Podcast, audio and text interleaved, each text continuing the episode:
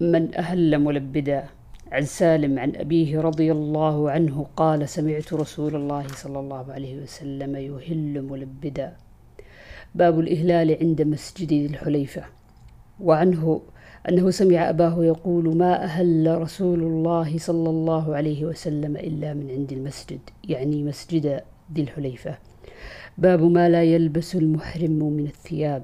عن عبد الله بن عمر رضي الله عنهما أن رجلا قال يا رسول الله ما يلبس المحرم من الثياب؟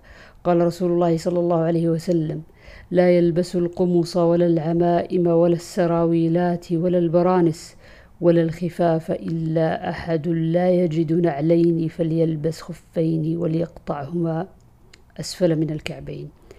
ولا تلبسوا من الثياب شيئا مسه زعفران أو ورس. باب الركوب والارتداف في الحج. عن ابن عباس رضي الله عنهما أن أسامة رضي الله عنه كان ردف رسول الله صلى الله عليه وسلم من عرفة إلى المزدلفة ثم أردف الفضل من المزدلفة, من المزدلفة إلى منى. قال فكلاهما قال لم يزل النبي صلى الله عليه وسلم يلبي حتى رمى جمرة العقبة. باب ما يلبس المحرم من الثياب والأردية والأزر. ولبست عائشة الثياب المعصفرة وهي محرمة. وقالت لا تلثم ولا تتبرقع ولا تلبس ثوبا بورس ولا زعفران. وقال جابر لا أرى المعصفر طيبا ولم تر عائشة بأسا بالحلي والثوب الأسود والمورد والخف للمرأة. وقال إبراهيم لا بأس أن يبدل ثيابه. عن ابن عباس رضي الله عنهما قال انطلق النبي صلى الله عليه وسلم من المدينة بعدما ترجل وادهن ولبس إزاره ورداءه هو وأصحابه فلم ينه عن شيء من الأردية والأزر تلبس إلا المزعفرة التي التي تردع على الجلد فأصبح بذي الحليفة. ركب راحلته حتى استوى على البيداء أهل هو وأصحابه وقلد بدنته. وذلك لخمس بقين من ذي القعدة. فقدم مكة لأربع ليال خلون من ذي الحجة فطاف بالبيت وسعى بين الصفا والمروة ولم يحل من أجل بدنه لأنه قلدها. ثم نزل بأعلى مكة عند الحجون وهو مهل الحج وهو مهل بالحج ولم يقرب الكعبة بعد طوافه بها حتى رجع من عرفة وأمر أصحابه أن يطوفوا بالبيت وبين الصفا والمروة ثم يقصروا من رؤوسهم ثم يحلوا وذلك لمن لم يكن معه بدنة قلدها. ومن كانت معه امرأته فهي له حلال والطيب والثياب. باب من بات بذي الحليفة حتى أصبح. قاله ابن عمر رضي الله عنهما عن النبي صلى الله عليه وسلم. عن أنس بن مالك رضي الله عنه قال صلى النبي صلى الله عليه وسلم بالمدينة أربعة وبذي الحليفة ركعتين ثم بات حتى أصبح بذي الحليفة فلما ركب راحلته واستوت به أهل.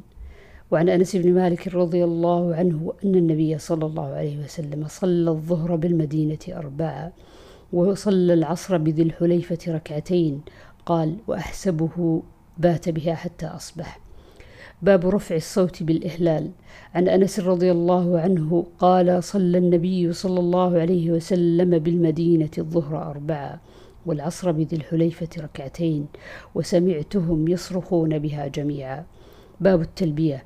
عن عبد الله بن عمر رضي الله عنهما أن تلبية رسول الله صلى الله عليه وسلم لبيك اللهم لبيك لبيك لا شريك لك لبيك إن الحمد والنعمة لك والملك لا شريك لك.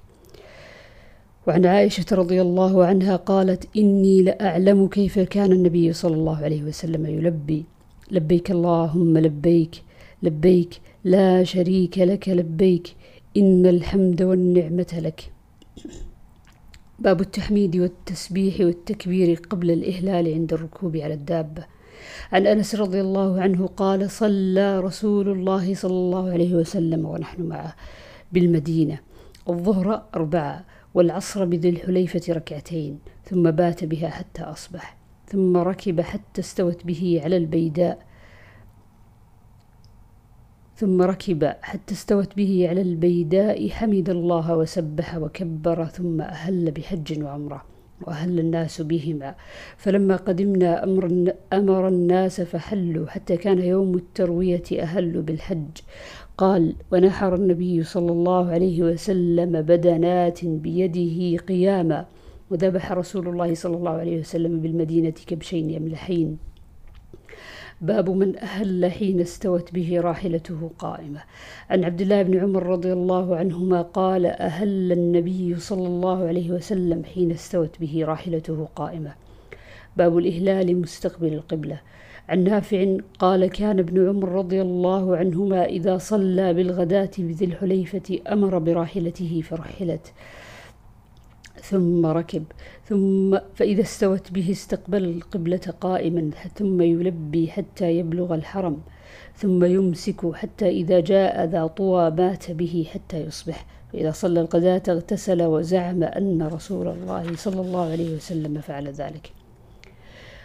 وعنه قال كان ابن عمر رضي الله عنهما إذا أراد الحج أراد الخروج إلى مكة الدهن بدهن ليس له رائحة طيبة ثم يأتي مسجد ذي الحليفة فيصلي ثم يركب وإذا استوت به راحلته قائمة أحرم ثم قال هكذا رأيت رسول الله صلى الله عليه وسلم يفعل. من أهل ملبدا. عن سالم عن أبيه رضي الله عنه قال سمعت رسول الله صلى الله عليه وسلم يهل ملبدا. باب الإهلال عند مسجد الحليفة. وعنه أنه سمع أباه يقول ما أهل رسول الله صلى الله عليه وسلم إلا من عند المسجد يعني مسجد ذي الحليفة. باب ما لا يلبس المحرم من الثياب. عن عبد الله بن عمر رضي الله عنهما أن رجلا قال يا رسول الله ما يلبس المحرم من الثياب.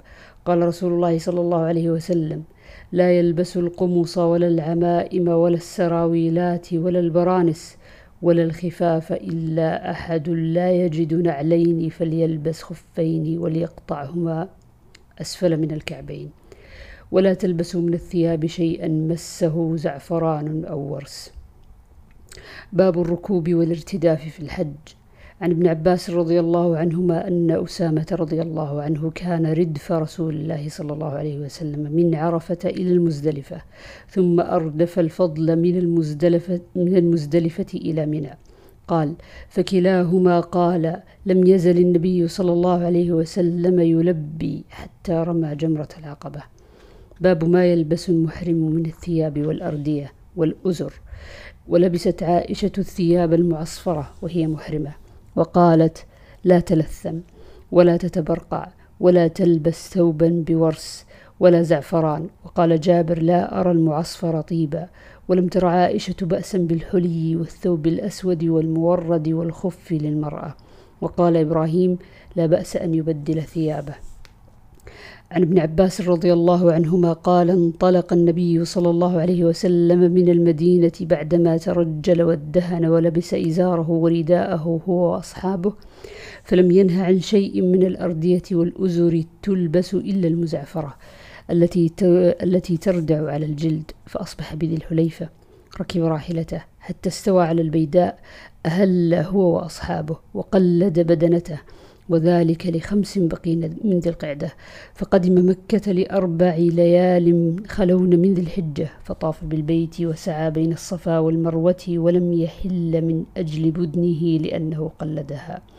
ثم نزل بأعلى مكة عند الحجون وهو مهل الحج وهو مهل بالحج ولم يقرب الكعبة بعد طوافه بها حتى رجع من عرفة وأمر أصحابه أن يطوفوا بالبيت وبين الصفا والمروة ثم يقصروا من رؤوسهم ثم يحلوا وذلك لمن لم يكن معه بدنة قلدها ومن كانت معه امرأته فهي له حلال والطيب والثياب. باب من بات بذي الحليفة حتى أصبح. قاله ابن عمر رضي الله عنهما عن النبي صلى الله عليه وسلم. عن أنس بن مالك رضي الله عنه قال صلى النبي صلى الله عليه وسلم بالمدينة أربعة وبذي الحليفة ركعتين ثم بات حتى أصبح بذي الحليفة فلما ركب راحلته واستوت به أهل. وعن أنس بن مالك رضي الله عنه أن النبي صلى الله عليه وسلم صلى الظهر بالمدينة أربعة وصلى العصر بذي الحليفة ركعتين قال وأحسبه بات بها حتى أصبح. باب رفع الصوت بالإهلال. عن أنس رضي الله عنه قال صلى النبي صلى الله عليه وسلم بالمدينة الظهر أربعة والعصر بذي الحليفة ركعتين وسمعتهم يصرخون بها جميعا. باب التلبية. عن عبد الله بن عمر رضي الله عنهما أن تلبية رسول الله صلى الله عليه وسلم لبيك اللهم لبيك لبيك لا شريك لك لبيك إن الحمد والنعمة لك والملك لا شريك لك. وعن عائشة رضي الله عنها قالت إني لأعلم كيف كان النبي صلى الله عليه وسلم يلبي. لبيك اللهم لبيك. لبيك. لا شريك لك لبيك. إن الحمد والنعمة لك. باب التحميد والتسبيح والتكبير قبل الإهلال عند الركوب على الدابة. عن أنس رضي الله عنه قال صلى رسول الله صلى الله عليه وسلم ونحن معه بالمدينة. الظهر أربعة والعصر بذي الحليفة ركعتين ثم بات بها حتى أصبح ثم ركب حتى استوت به على البيداء ثم ركب حتى استوت به على البيداء حمد الله وسبح وكبر ثم أهل بحج وعمرة وأهل الناس بهما. فلما قدمنا أمر, أمر الناس فحلوا حتى كان يوم التروية أهلوا بالحج. قال ونحر النبي صلى الله عليه وسلم بدنات بيده قياما وذبح رسول الله صلى الله عليه وسلم بالمدينة كبشين يملحين. باب من أهل حين استوت به راحلته قائمة. عن عبد الله بن عمر رضي الله عنهما قال أهل النبي صلى الله عليه وسلم حين استوت به راحلته قائمة. باب الإهلال مستقبل القبلة. عن نافع قال كان ابن عمر رضي الله عنهما إذا صلى بالغداة بذي الحليفة أمر براحلته فرحلت. ثم ركب. ثم فإذا استوت به استقبل القبلة قائما ثم يلبي حتى يبلغ الحرم. ثم يمسك حتى إذا جاء ذا طوى مات به حتى يصبح. فإذا صلى الغداة اغتسل وزعم أن رسول الله صلى الله عليه وسلم فعل ذلك. وعنه قال كان ابن عمر رضي الله عنهما إذا أراد الحج أراد الخروج إلى مكة الدهن بدهن ليس له رائحة طيبة ثم يأتي مسجد ذي الحليفة فيصلي ثم يركب وإذا استوت به راحلته قائمة أحرم ثم قال هكذا رأيت رسول الله صلى الله عليه وسلم يفعل.